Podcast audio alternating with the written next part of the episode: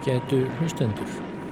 Þarna heyrum við skotið úr þýska orustuskipinu Slesvík-Holstein á virkið Vesterplatte í borginni Danzík sem þá hétt.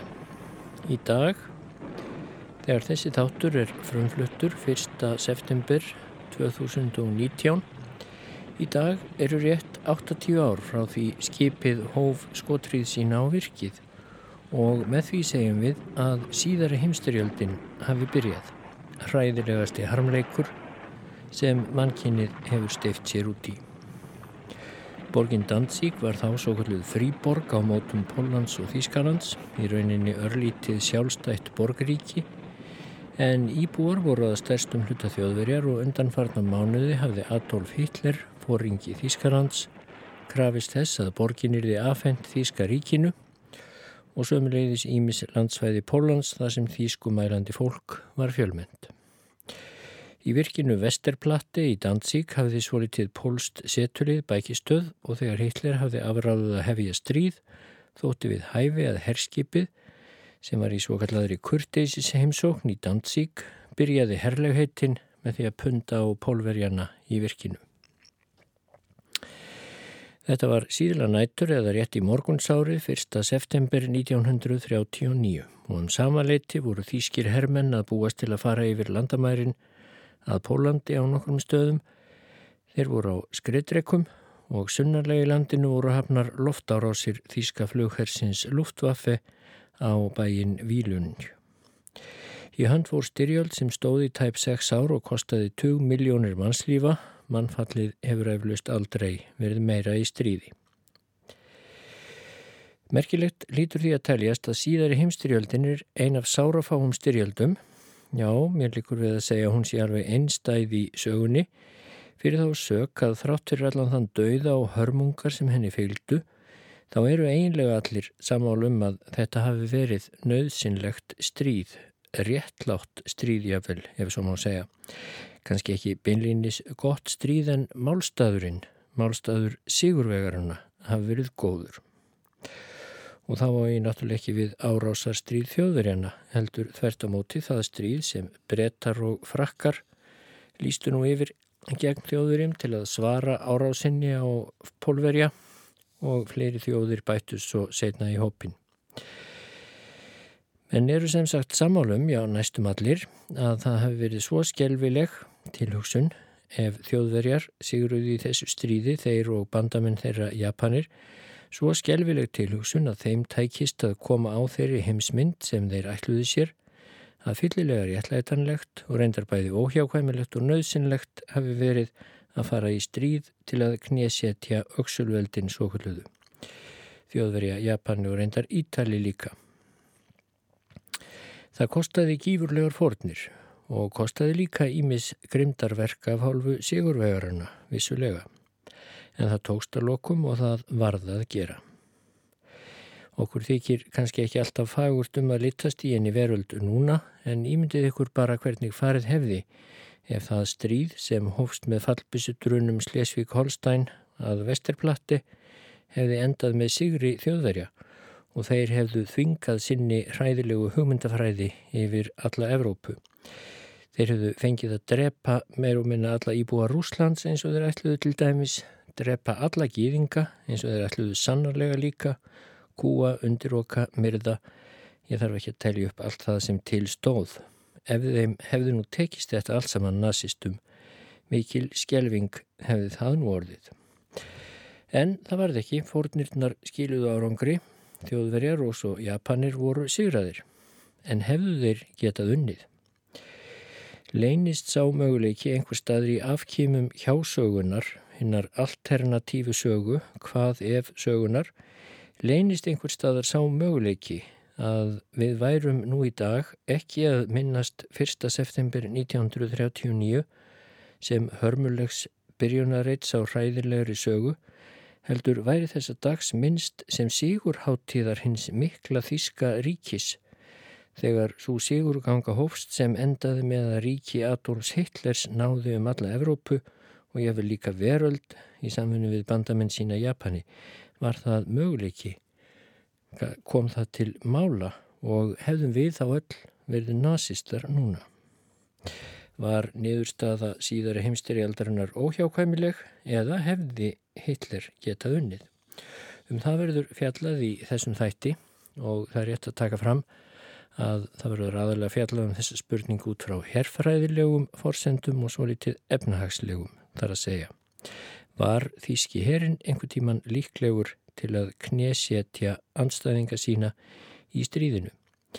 Fyrst er að átt að segja því að, þeir, að svara við þeirri spurningu veldur ekki á úrslitum í einni tveimur orðstum. Hún er stærri en svo. En til þess að vera í stakkbúin til að benda á þau augnablík sem þó skiptu mestu um niðurstöðu stríðsins, þá best ég byrja á að rekja gang þess í stuttumáli að minnstakosti þanga til niðurstaðan likur ljós fyrir hinn setni stríðsár. Hvert er svarið við spurningunni? Þá er fyrst að segja frá því að eins og allir vita þá knésetti Þíski herrin þann pólska léttilega eftir að innrásin í Póland hófst fyrir þessum réttu 8-10 árum. Þann 17. september hófst svo einrás Sovjetríkjana í Póland að austanverðu og þá voru örlög pólverja endanlega ráðin. Varnir þeirra runn út í sandin á erfáum vikum. Brettar og frakkar höfðu líst yfir stríði gegn Þýskalandi 3. september en gáttu ekki aðhafst pólverjum til hjálpar og hófu ekki þá einrás í Þýskalandað vestan sem pólverjar höfðu vonast eftir. Stórveldin í vestri voru þrátt fyrir allt ekki tilbúin í það stríð sem þau höfðu líst yfir og nú geysaði svo kallað þykjustu stríð á vesturvíkstöðunum veturinn næsta, 39 til 40. Í byrjun april 1940 réðust þjóður er svona í Danmörk og Norreg, tilgangur þeirra var bæði að tryggja sér siglingar með hjártgríti frá Svíþjóð um Norreg en líka að auðvelda siglingar út á Allandsaf. Í fyrir heimsturjöld hafið Þíski flottin lokast yllilega en í Norðursjó og Estrasalti og hampan bretta og aðflutninga til og frá Þískarandi var þjóðurum þá gífurlega erfitt. Nú átti meðal annars að koma í veg fyrir það. Í byrjun mæ 1940 var þykjustu stríðinu í vestri svo lokið. Þá höfðu þjóðverjar lagt undir sig Danmörku léttilega og voru í þann veginn að klára Noreg en þá gerðu þeir innrás í Holland, Belgíu og aðalega Frakland. Hollendingar og belgar gáttu litla mótspyrnu veitt en frakkar voru frá fornufari einhverjir mestu stórbokkar Evrópu, anstæðingar þjóðverja í ótal styrjöldum. Franski herin átti langa og mikla sög og ætla hefði mátt að hann stæði upp í hárun og þjóðverjum, en svo fór ekki. Á þrem fjórum vikum töpuðu frakkar landi sínu þeir gáfust upp 22. júni 1940 og brettar rökluðust heim. Nú var næstum öll strandlengja Vestur-Evrópu komin undir Hakakross en trátt fyrir það voru þjóðverjar í raun aldrei mjög nærrið því að rjúfa það hafnbann sem brettar höfðu sett á siglingar þeirra. Slíkir voru yfirbörðir breska flottans á Allandshafi. En ef brettar hefðu á þessum tímapunkti ákveðið að semja frið við þjóðverja, nú þegar brettar stóðu að heitam á einir gegn hinnu mikla veldi þjóðverja og vissulega voru þeir til í brettaveldi sem vildu semja, þá má segja að engar sígurvænlega hafi hort fyrir Hitler og heiski hans. Það var að vísu aldrei raunveruleg hætta á að þjóðverjar næðu Breitlandi með innrás en það áttuðu þjóðurjar sig á því sjálfur og lögðu slíkar innrásar áætlanir fljótt á hilluna. En brettar hefðu samt getað freistast til að semja og þá hefðu þjóðverjar haft miklu frjálsari hendur til að undirbúa árás á þann andstæðing sem Hitler hafði raunverulega náhuga á að hafa undir, þar að segja Sovjetríkin. Og þá hefðu þjóðverjar líka haft aðgangað ólí og eldsneiti og alls konar vistum og ráöfnum sem þá skorti sárlega eftir að hafnbanni breyta fór að býta. En nýr fórsættisar á þeirra breyta, Sjörssil aðnafni, aftók með öllu að semja, svo við þurfum ekki að hugleiða það öllu lengur. Þetta sumar 1940 gerðist það svo líka að Ítalija fór í stríð. Fasistalegi tóginu Mussolini átti sér draumum nýtt romverst heimsveldi og hugðist nú koma fótunum undir það með hjálp Hitlers. Stríðsregstur Mussolinis varð mikil háðungar saga en í þessu sambandi skiptir máli að tvívegis næsta árið varð Hitler að losa Mussolini úr klípu sem hann hafði komið sér í. Hvort vekja tröflaði þjóðverja nokkuð frá undirbúningi árásarinnar miklu á Sovjetríkin og spurningin hér hlýtur að vera svo hvort svo tröflun hafi skipt sköpum. Ítalir höfðu lagt undir sig Líbíu snemma á 20. öld og í september 1940 hófu þeir þaðan innrás í Egiptaland sem brettar réðu.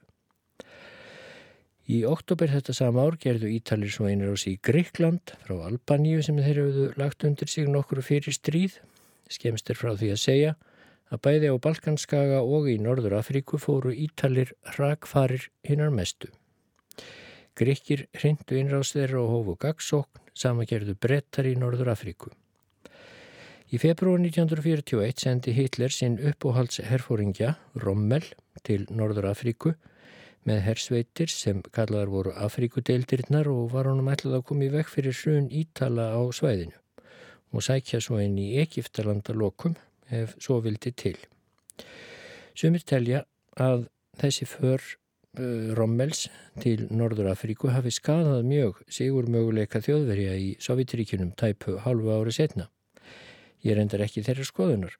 Í fyrsta lagi voru Afríkudeldir Rommels ekki íkja fjölmennar á þessum tíma, töldu líklega um 20.000 manns og sáfjöldi hefði skiptið litlu í innrásinni í Sovjetríkin þar sem miljónir tókust á og það hefði heldur ábyggil ekki breytt neinu þótt Rommel sjálfur hefði verið við stjórnvölin á einhverju herrfylkinu í Rúslandi.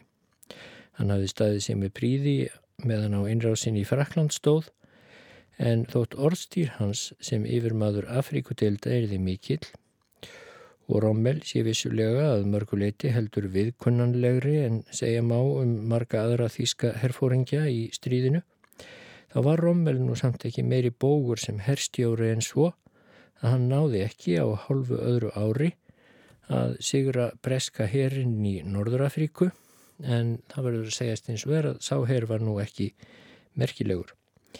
Þannig ekki mikill afreiksmaður var Rommel.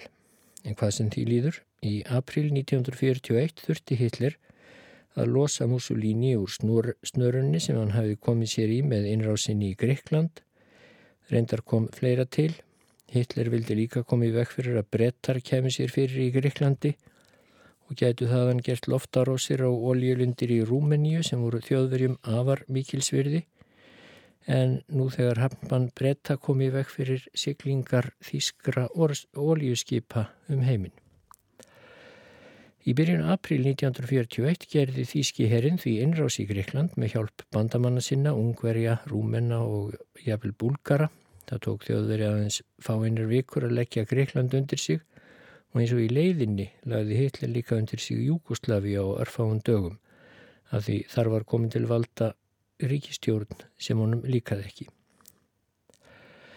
En meðan þjóðverjar voru að hasla sér völl í Norður Afríku og Balkanskaga þá stóð sem hæst undirbúningur fyrir innrásina í Sovjetríkin sem hafði fengið nafnið áætlun Barbarossa. Og ef spurt er, hefðu þjóðverjar getað unnið setni heimstyrjöldina þá snýst svo spurning alltaf og æfinlega um Barbarossa. Svo einrás hófst 22. júni 1941. Í upphafi hafði hún verið sett á 15. mæ en var frestað um 5 vikur. Sumir segja að ástæðan fyrir frestuninni hafi verið sókn þjóðveri en í Greikland og Júkoslavíu sem ég var að enda við að nefna Það kom reyndar fleira til og kannski skipti herrlaup þjóðverja suður á Balkanskaga ekki miklu máli um eina fyrirnemdu frestun. En hvað sem því líður, frestuninn var staðrind og margir hafa fullirt að ástæðan fyrir því að Barbarossa fór á endanum út um þúfur hafi verið þessi fimm vekna frestun á því að skriðtrekarnir færi af stað. Ef þjóðverjar hefðu lagt af staðum miðjan mæ eins og þeir ætluðu þá hefðu þeir sloppið við heljarklær rúsneska vetrarins og eh, veitt rauðahernum duglega ráðningu, náðu Moskvu, rakið Stalin frá völdum og þar með unni stríðið. Þetta er hins vegar allt mjög djarflega álíktað, skul við segja, og fæst af þessu sannfærandi þegar aðeir gáð. Það má skoða sumt af þessu á eftir, en í bíli lætt ég döga að taka fram að fæstir hernaðar sérfræðingar á vorum dögum telja að þessi fimm vikna frestun sem svo margir hafa einblínt á hafi í rauninni skipt einhverjum sköpum. En Barbarossa fór sem sagt af stað 2000. júni. Þetta var mesta hernaðar aðgerð sögunar fram að því. Það var sótt fram á tæplega 3000 km langri výlínu. Næri fjórar miljónir hermana ruttust fram, langflestir þjóðverjar, en líka ítalir, rúmenar, ungverjar, slóakar, króatar og finnar. Tæplega 4000 skreitrekkar voru restir þennan sunnudag og 3000 önnur brinnvarinn aukutæki 5.000 flugvélar, 20.000 stórskótaliðs, fallbissur, tæp miljón hesta sem voru notaðir til að draga öll þessi vopn. Lengi framanaf virtist innrásin ganga eins og til hafði verið ætlast. Þjóðverjar brunuðu fram eins og þeir hefðu gert í Pólandi og Fraklandi og Júkoslavi og Greiklandi. Löðundir sig mikil landsvæði og knúðu til uppgjafar miljónir hermanna rauðahersins Þeir voru fluttir í fangabúðir og síðan þrælkunar vinnu í Þýskalandi og ég held mér sér óhætt að segja að enginn þeirra hafi snúið tilbaka, slík var meðferðin á þeim. Rauðiherin var ílla undirbúin, það er alkunna. Eftir að einræðisherrarnir Hitler og Stalin sem höfðu svívirt korannan sent og snemma árum saman á fjórða áratögnum ákváðu að snúa bökum saman í ágúst 1939 og gera sinn alrænda greiðarsáttmála sem innsiklaði örlög Pólans, þá hafði Stalin tekið þann pól í hæðin að treysta Hitler fram í rauðan döðan, einum allra manna. Og Stalin tók ekki mark á ótal vísbendingum úr öllum áttum veturinn 1940 til 41 um að innrásværi yfirvofandi. Reyndar bannaði Stalin sínum mönnum alveg sérstaklega að treysta svo mjög varnir sínar að það geti vakið gremju heitlers. Þetta átti sinn þátti að rauði herrin fór rakfærir í byrjun, sem og hitt að hann var alls ekki búin að ná sér eftir reynsannir svokalladar sem Stalin hafi greipið til í ofsóknar æði sínu sem, sem greip hann á árunum 1937-8. Þá hafðu 2000 herfóringja verið reknir mörg þúsund fangelsaður og óþektur fjöldi dreppin.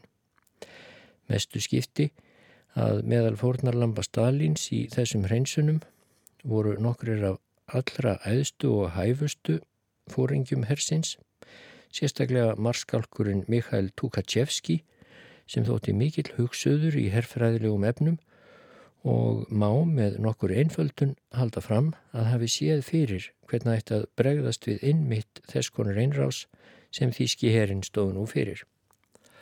Ef Tukachevski og liðsfóringjar hans hefðu fengið frið til að þróa og undirbúa varnir gegn þýska hernum er nokkuð ljóst að einrásinn í Sovjetríkin 1941 hefði gengið mun hægar í byrjun og líklega hefðun bara fljótlega mistekist.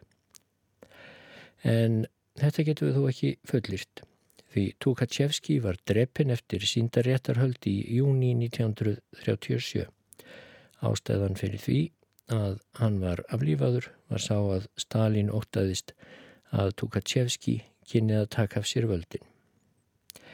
En ein ástæðu þess að Rauðiherrin fór halloka í byrjun Barbarossa innrásar var svo svo að Stalin fór á taugum og let sig nánast hverfa í þrjár vikur eða svo og þar sem hann hafði alla þræði bæði samfélags og hers í lúkum sér, þá allir þetta alls konar vandræðum, töfum og ringulreið í herbúðum sovjetmanna á, á örlaga stundu. Þegar fórað hösta 1941 höfðu þjóðverjar og bandamenn þeirra náð óurlegum landflæmum í Sovjetríkinum, þeir voru sestur um Leningrad og ógnuðu Moskvu. Stalin og menn hans voru byrjaðir að undirbúa brottflutning úr borginni. Yrði ekki staða sovjetmanna vonlaus ef þeir mistu Moskvu? Hlutuður ekki þá að gefast upp? Á það treystu þjóðverjar að mista kosti. Sokn hersveita Hitlers fór hins vegar að hæja mjög á sér þegar kom fram í vetrarbyrjun Miklar frosthörkur og byljir gengu yfir illabúna þýsku hermenina. Svo fóra þótt fremstu skrittrekkar þjóðverja væru aðeins í um 8 km fjarlag frá Moskvu þann 3. desember 1941 þá náðu þeir ekki lengra. Og þann 5. desember hófst gagnsókn Rauðahersins.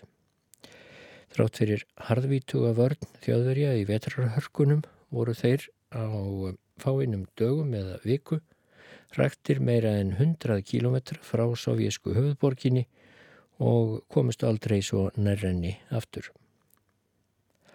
En aðeins tveim dögum eftir að þessi gagnsókn Rauðahersins við Moskú hófst gerðist annar atbyrður hínum einu á hnettinum sem réð endanlega úrslittum um gang stríðsins og niðurstöðu. Þann 31. desember 1941 gerðu árásarvélar frá sex japanskum flugvilamóðurskipum árás á bandarísku flotastöðuna Pearl Harbor á Hawaii eigum út í miðju Kerahafi. Þetta var ótrúlega heimskulegt uppóttæki hjá Japanum. Þeir vildu verða voldugasta veldið í Asíu og töldu að með því að greiða bandaríska flottanum þungt högg gætu þeir komið í vekk fyrir að bandaríkinn tröfluðu fyrirætlanir þeirra um landvinninga í Suðaustur Asíu og víðar. Síðan þegar bandaríkjumenn stæðu frammi fyrir orðnum hlut mynduður lúpast til að semja við Japani sem fengju þá að halda öllum sínum landvinningum. Það var þetta sem var heimskulegt. Japanir hefðótt að þekkja bandaríkjumenn betur en þetta. Bandaríkjumenn myndu aldrei semja við þjóð sem hefði ráðist á þá að óvörum eins og Japanir gerðu við Pearl Harbor. En það er svolítið önnur saga. Hér skiptir máli að Japan var í bandalagi við bæði Þískaland og Ítalíu og í sáttmála þjóðana var hveðið á um að ef ráðist yrði á eitt ríkjana þryggja skildu hintu að koma til hjálpar. Nú hafði vissulega ekki verið ráðist á Japan. Það voru Japanir sem höfðu ráðist á bandaríkjumenn. Af einhverjum ástæðum sem aldrei hafi verið skýriðar til fulls ákvað Hitler nú eigað síður að tólka sáttmálan þannig að Þískalandi bæri að lýsa yfir stríði gegn bandaríkunum til að styðja bandamannsinn Japan. Og það gerði Hitler þann 11. desember 1941, fjórum dögum eftir árás Japana og Pearl Harbor. Utanrikisráð þeirra Þýskalands afhendi þá aðst að sendi fulltrúa bandarækjana í Berlín formlega stríðs yfirlýsingu frá Hitler og síðan helt Hitler langa ræðu í Þýska þinginu þar sem hann skammaðist út í bandarækjumenn fyrir stöðningsin við bretta til dæmis fyrir að hafa tekið að sér hervarnir Íslands þá um sömarið og sitt hvað fleira. Auk þessum langur tími fór að venju í að fabulera um yfirburði Þýsku þjóðarinnar yfir annað fólk. Sennilegasta skýringin á stríðis yfirlýsingu Hitlers er að hann hafi talið víst að Rúsveld bandaríkjaforsiti myndi fyrir það síðar hefja þáttöku í stríðinu við hlið breyta. Því væri bara eins gott að verða fyrir til. Aug þess hafði Hitler djúpa fyrirlýtningu á bandaríkunum sem hann vissi lítið um og helst það sem hann hafi lesið í æsku í Kúreka og Indiánasögum eftir Karl May. En á því var sá galli að þær sögur hafi verið skrifaðar af hálri öld og af þýskumanni sem hafði aldrei komið til bandaríkjana, hvað þá meira. Hitler gerði sér litla eða enga grein fyrir framleiðslumætti bandaríkjana og virðist hafa tekið ákvörðum sína að mjög illa aðtuguðu máli og án þess að hann hefði samráð við nokkra þeirra í nazista hyrðinni sem þekktu til í bandaríkunum en þeir voru reyndar ekki margir. En þetta var sem sagt klappað og klárt og frá og með 11. desember 1941 var Þískarand komið í stríð við bandaríkin. Og þá er um leið hægt að svara þeirri spurningu sem ég lagði upp með í byrjun þáttarins hefðu þjóðverjar getað unnið stríðið og svarið er hérðan af nei, ekki undir neinum kringum stöðum, ekki eftir að bandaríkjumenn voru komnir í stríðið. Það má segja með fullkomnum rétti að um leið og Hitler setti síðasta punktin aftan við stríðsífylýsinguna sem Jóachim Ribbentrop, utanrikiðsráð þeirra, aðfendi svo bandaríska sendifulltrúanum Líland B. Morris, þá hafi stríðið verið tapað fyrir þjóðverja. Sennilega hefði ekki þurft stríðsífylýsingu þjóðverja til.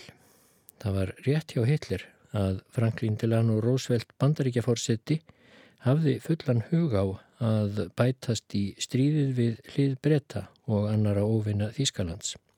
Hann hafði slíka skömm á Hitler og nazismannum að hann stemdi lengt og ljósta þáttöku í stríðinu. Og vissan um stuðning bandaríkjana hafði gert Sjörssil og öðrum brettum kleift að standast á freystingu að semja við Hitler eftir fall Fraklands á sínum tíma. Og Ribbentrop vissi þetta líka því þegar hann afhendi Líland B. Morris stríðs yfirlýsinguna þá sagði hann þurrlega þinn maður vildi þetta stríð, hér færa hann það. Ég get svo ekki stilt mig um að skjóta því að til frekari fróðlegs að eftir að þessi Líland B. Morris slapploks frá Þýskalandi voruð eftir en hann hafði verið settur í eins konar stofufangils í nokkra mánuði þá varð hann sendið herra bandaríkjana á Íslandi og gengdi því starfið hanga til rétt áður en Ísland varð líðveldi sömarið 1944. En það sem ég vildi sagt hafa og ítrekka er að frá og með þeirri stundu þegar bandaríkinn bættust í stríði þá átti Þískaland ekki lengur neitt möguleika á að vinna. Ímislegt kemur til. Bandaríkjumenn voru miklu fleiri en þjóðverjar. Þeir voru um þetta leiti 130 miljónir en þjóðverjar 70 miljónir. Þegar 130 miljónir bættust í hóp óvinna þjóðverja en þar mátti þegar telja 48 miljónir bretta og alveg sérstaklega 188 miljónir sovjetmanna þá segir sér bara sjálft að liðsmunurinn einn hlaut á endanum að segja til sín. Eh, þennan liðsmun þurfti reyndar að valla til á endanum. Hann var ekki farin að segja að ráði til sín í stríðslokk. Það var annað sem er ég úrslitum, framleiðslu máturinn. Það tók bandaríkjumenn vissulega tæft ára að komast alminnilega af stað eftir að stríðið hófst en eftir það var framleiðslu geta þeirra slík að flest annað bliknar í þeim samanbörði. Að þylja upp tölur í útvarpi er sjaldan mjög skýrt eða skorinort en ég lít þó að nefna nokkrar. Þjóðverjar og bandamenn þeirra í Evrópu framleitu alls 72.000 skreiðdrekka í setni heimstyrjöldinni. En á þeim rúmu þrem árum sem bandaríkjumenn voru með í stríðinu framleitu þeir einir 108.000 skreiðdrekka, 72.000 þýskir skreiðdrekkar á móti 108.000 bandarískum og þegar þess er gætt að Sovjetríkin framleitu enþá meira en bandaríkin af skriðdreikum eða 120.000 þá þarf ekkert að ræða það frekar. Þegar 47.000 breskir skriðdreikar bætast við þá eru tölurnar svona 72.000 þýskir skriðdreikar gegn 270.000 skriðdreikum bandamanna og þvert hún í það sem ímsir halda þá voru þýsku skriðdrekarnir engin yfirbörða tól og ekki hótinu betri en bestu skriðdrekar russa til dæmis hinnir viðfrægu og ábyggilegu T-34. Lítum á flugvílar. Þjóðverjar og bandamenn þeirra í Evrópu framleitu rúmlega 150.000 flugvílar í stríðinu. Þótt stundum sé gert lítið úr breskri yðin framleiðslu þá framleitu brettar einir þó meira af stríðsflugveilum en þjóðverjar og allir bandamenn þeirra eða 177.000 flugveilar. Sovjetmenn framleitu næstum ég mikið og þjóðverjar. Þá eru við komin í 313.000 flugveilar meira en helmingi fleiri en vélar þjóðverja. Og þegar svo bætast við 295.000 bandarískar flugveilar þá getur við hægt að telja eða þá, það eru þá alls 608.000 flugvélar bandamanna gegn 150.000 þýskum. Þótt vissulega hafi talsvert af bandarísku vélunum verið ætlaðar til brúks gegn Japunum. Allt þetta segir sína sögu. Bandamenn áttu margfalt, margfalt fleiri hernaðartól heldur en þjóðverjar og allt stefnir í sömu átt. Það má líka nefna hráefni, tökum bara olju sem allar stríðsvélar voru knúnar með. Þjóðverjar og bandamenn þeirra framleitu 61 miljón ton, 61 miljón tonna af oljueldsneiti í stríðinu en bandamenn samanlagt rúman miljard tonna, 16 sinnum meira magn, 16 sinnum meira magn. Allt þetta talnaflóð segir sína sögu. Frá og með þeirri stundu að bandaríkjumenn bættust í stríðið með allan sinn yðnaðarmátt þá gáttu þjóðverjar engan veginn unnið. Það, kostaði, það tók vissilega tíma og kostaði ægilegar fórnir að snúa stríðshjólinu við. Þær fórnir færðu sovjetmenn, ekki síst, bæði hermenn rauðahersins og ekki síður óbreyttir borgarar. En frá og með 11. desember voru úrslitin allavega ráðin. Auðvitað geta mannfjöldatölur í sjálfu sér ekki ráðu úrslitum í styrjöldum, heldur ekki framleiðslu getan einn, en þetta skiptir þó æg meira máli eftir því sem stríðin eru umfangsmeiri og lengri. Davíð getur unnið góliat í einum slag, en ef þeir keftu tíu sinnum er lítill vafi á að góliat mynd á endanum fara með léttan sígur af hólmi. Og þar sem þjóðverjar voru þegar upparstaðið í hlutverki Davíðs gegn góliat bandamanna, þá þarf ekkert að rekja þetta öllu lengur. Úslitinn voru ráðin. Eftir að bandamenn snýru vörn í sókn, fyrst í Sovjetríkunum, síðan á Ítalju, loks í Normandi, þá vörðust þjóðverjar vissulega af gríðarlegri hörku og heift, en þeir átti ekki möguleika að sigra. Sumum finnst þetta kannski of bratt að orði komist, en annarkvort áttu þeir möguleika eða ekki og ég held sér óhætt að segja þeir hafa ekki áttan. Hvernig hefðu þeir átt að geta sigrað sameinaða anstæðinga sína? Þíski herin byggði vissulega og gamlum grunni en í rauninni var hann samt ekki nema tí ára gammal og ekki nema fimm ár rúm síðan vopnaframleysla hófst af einhverjum krafti eða þá þjálfun og æfingar í nýtískulegum hernaðarfræðum. Það er skrítið að í bókum og bíómyndum og teiknumyndasögum og svo framvegs þá byrtast þjóðverjar í setni heimstyrjöld oft eins og óbílandi stríðsvél, máttugri, grimmar og hæfari en nokkrir aðrir hermenn, en það eru þetta vitleisa. Það er til dæmis ekkert yfirnáttúrulegt eða ótrúlegt við sigurgöngu þjóðveri að framann af stríðsárunum, þótt hersauðingir eins og Hæns Gúderjan og fleiri hafi viljað telja fólki trú um það. En hann stýrði skreitrekasveitum í Pólandi, Fraklandi og síðast Sovjetríkunum. Lifturstríðið margum talaða sem einhvers konar þýsk uppfinning sem enginn hafi látið sér detta í hug áður. Það er að segja að sækja rætt langt inn fyrir výlínur ofinnanna og sláða út af læginu með snöggum allugum nánast eins og af handahófi. Þetta lifturstríð var auðvitað bara gamal kunnugt triks allt frá því á dögum gengis kann, ekkert nýtt við það. Þóttu nú væri vissilega beitt nýjum vopnum, skreitrekum og flugvélum en ekki mongólskum hestum. En bæði fyrirnemdur Tukachevski í Rauðahernum og fleiri voru búinir að skipulegja varnir gegn þessu. Það eina sem kom raunverulega og óvart í upphafi stríðs var hver auðveldlega þjóðverjar lögðu frakka að velli. En jáfnvel það var ekki til marksum neinar nýjar hernaðaraðferðir eða yfir náttúrulega hæfileika þýsku hersöðingjana. Þetta var bara bein eftirlíking af Sigri Prúsa og Frökkum árið 1870. Sá Sigur var álíka snöggur og afgýrandi og Sigurinn 1940 og reyndar var það ömurleg vanhæfni frönsku herfóringjana sem átti miklu meiri sök á ósigurinnum vorið 1940 heldur en einhver stórkostleg hæfni hinn að þýsku herfóringja. Ef fransku hersöðingjarnir hefðu staðið sér í stikkinu og hrundið innrásinni, þá hefði Hitler vísast verið steift fljótli af stóli í Þískanandi og stríðið ekki orðið öllu lengra. En til að afgreiða lifturstríðið sem einhvers konar nýja uppgötun í herrfræðum, þá dugar að vekja aðtikla á að frá með þeirri stundu þegar fór að hæja á sókn Þíska hersins inn í Sovjetríkin sömarið 1941 þá var þetta fræga lifturstríð allt í einu úr sögunni.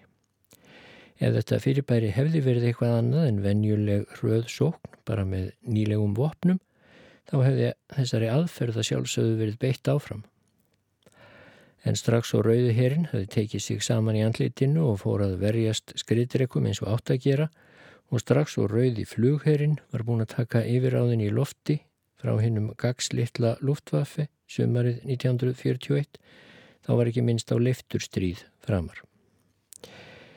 Eina raunverulega spurningin í sambandi við gangstríðsins er svo hvort þjóðverjar hefðu getað unnið rúsa eða sovjetmenn áður en bandaríkjaman bættust í stríðið. Ef Barbarossa hefði gengið betur og hraðar 1941, ef þjóðverjar hefðu náð til Moskvu áður en veturinn fóruð býta, ef þeir hefðu knúið sovjetmenn til uppgjafar strax þá um haustið, hefðu þeir þá getað haldið þeim sigri og haldið Evrópu, jafnvel þótt Hitler hefði síðan glapist til að lýsi við stríði gegn bandaríkjunum í desember. Eða hefðu bandaríkjumenn kannski beðist undan stríði við þær aðstæður. Hér er hreift ímsum spurningum og flóknum en aðalatriðið er þó þetta. Þjóðverjar hefðu aldrei getað sigrað sovjetmenn. Ekki einu sinni þóttir hefðu verið einir í hópi anstæðinga þeirra. Ekki þótt Rommel hefðu verið með sína skriðdrekasveiti í Barbarossa hernum, ekki þótt Hitler hefði ekki verið að tefja sig að leggja undir sig Gríkland og Júkoslavíu, heldur lagt af stað austur strax 15. mæ 1941 eins og tilstóð. Einu gildir þótt sovjetmenn hefðu tapað Leningrad, tapað Stalingrad, tapað sjálfur í Moskvu.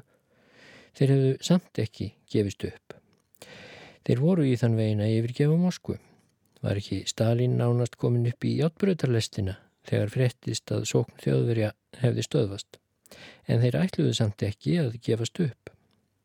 Þjóðverjar voru satt að segja alveg þrjumulosnir yfir bæði hörkunni sem rauði herrin síndi þótt allt gengi á afturfótunum í halvt ár hjá rúsum eftir að innrásin hófst, þeir voru líka þrjumulostnir yfir framleiðslu getunni og mannfjöldanum sem streymdi á vikstöðvarnar.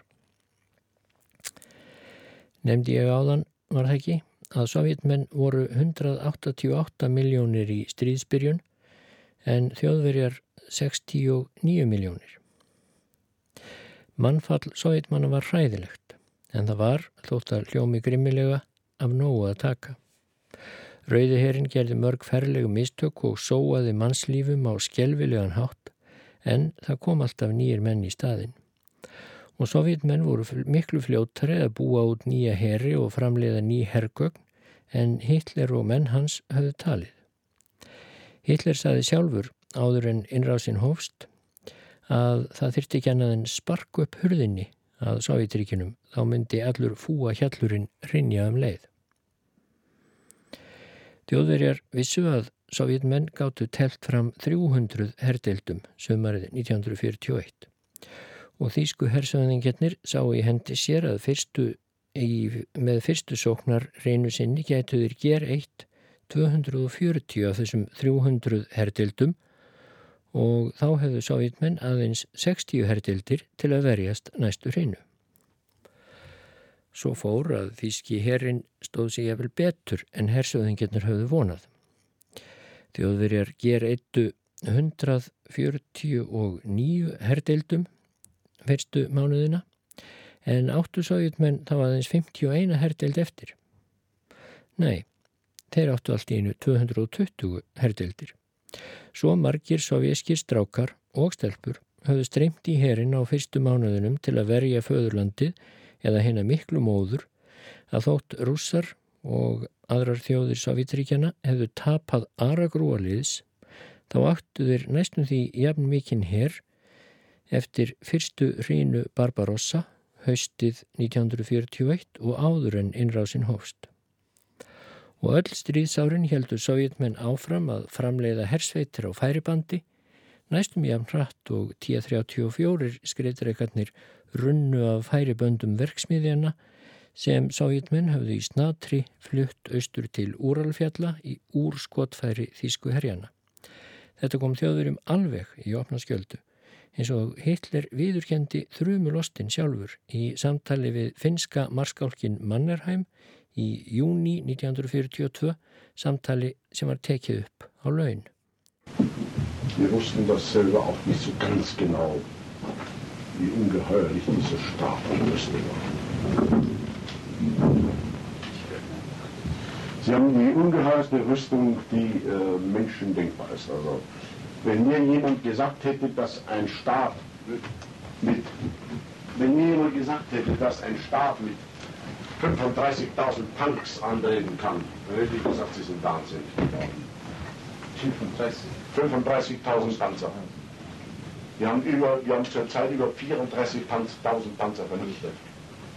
Wenn mir das jemand gesagt hätte, ich hätte gesagt, Sie, wenn mir ein General von mir erklärt hätte, dass hier im Staat 35.000 Panzer gesagt, Sie, Herr, Sie, sehen äh, alles doppelt oder zehnfach. Das ist, das ist Wahnsinn, Sie sind Gespenster. Das haben wir nicht für möglich.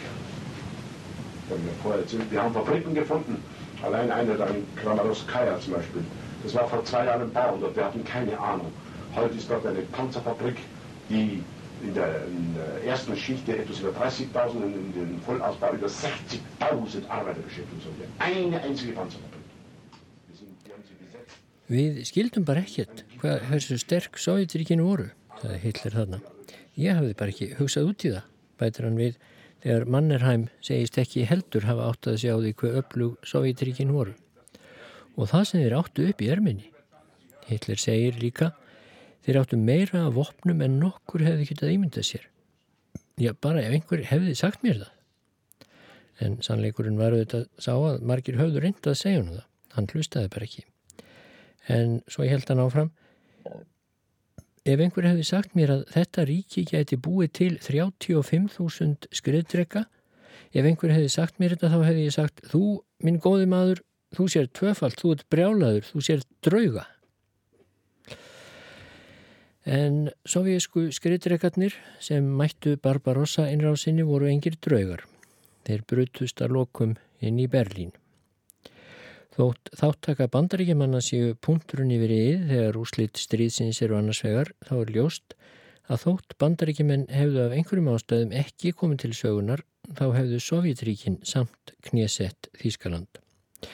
Það hefði tekið lengri tíma og það hefði kostað enn meiri fórnir enn fleiri mannslíf en það hefði tekist samt. Þegar kom fram á síðustu stríðsmissirinn var herrgagna framleiðsla í Þískalandi að vísu enn furður öskleg eftir að nazista forkólfurinn Albert Speer endur skiplaðan alla en það var samt ljóst að framleiðslan gatt ekki haldið lengi áfram í sama dúr, oljan var orðin af mjög skortnum skamti, skortur var orðin á flestöllum hráefnum og herin var hættur að sjá verksmiðunum fyrir þrælum úr austri með því að króa inn í hópa sovjískra hermanna eins og fyrstu mistur í stríðsins. Á sama tíma færðist herrgagna framlegsla sovjetmanna sífælt í aukana og enn streymdu strákar og stelpur í rauðaherin. Eftir stríðið komu þýsku hersöðingjarnir á lappirnar þeirri þjóðsögu að Þeir hefðu allir verið meir og minna miklir snillingar í herstjórn og bara ef þeir hefðu fengið að ráða þá hefðu þeir ábyggil unnið glæstan loka sigur á rauðahernum og þjóðverjar unnið stríðið. Það hefðu verið afskipta sem og vanhæfni Hitlers að kenna hvernig fór. Þetta er fráleitt í einu orði sagt. Vissulega var Hitler ómúlegur herstjóri. Vissulega klúðraðan mörg og vissulega skemdan fyrir þjóðverjum. Vissulega allan þjóðurum líklega gríðarlegu tjóni til dæmis þegar barist varum Stalingrad og hann bannaði hernum að hopa þegar eina vonin fólst í að hopa. En afskipta sem Hitlers og brjálaði þegar lengra leið réði samt ekki úslitum. Þjóðverjar hefðu ekki getað unnið þetta stríð, jafnvel þótt Rommel eða Manstein eða Guderian hefðu fengið að ráða. Þeir skuluður endar var ykkur á þessum þýsku hersöðingjum Líga þvælan í sjálfsæfisögu Guderians er beinlýnis forkastanleg hvernig hann þykist að hafa fundið upp skreiðdrega hernað og lígur svo eins og hann var langur til um að þýski herin hefði ekki tekið neitt þátt í fjöldamorðum og voðaverkum í Rúslandu og víðar. Það hefði bara verið hinnar vondu SS-sveitir sem gerðu það. Hann og hinnir heilugu hersöðingjar hefðu ekkert um slíkt vitað en það önnum kapnir við að púsa einglýrnin sín og þótt rúsneski veturinn hafi leikið hersveitir þjóðverja svo illa í vetrarbyrjun 1941 þegar þær nálguðust Moskvu að margnemdur Guderian vissi til dæmis ekki sitt rjúkandi ráð, þá var það samt ekki rúsneski veturinn sem réði úslitum. Og það var jafnvel ekki Georgi Sjúkov sem réði úslitum, hersöðingin sem þó vann þarna glæsta sigra. Sjúkov var bara verkfæri hins óhjákvæmilega ósigurs Þískalands. Það má til dæmis marka af því að um samaleiti og sókn þjóðverja við Moskvu var að renna út í sandin í frosthörkunum og snjóbiljunum kringum uh, höfuborgina. Þá var sókn þjóðverja söður við Svartahaf líka að fjara út á nákvæmlega sama hátt en þar var ekkert að veðrinu.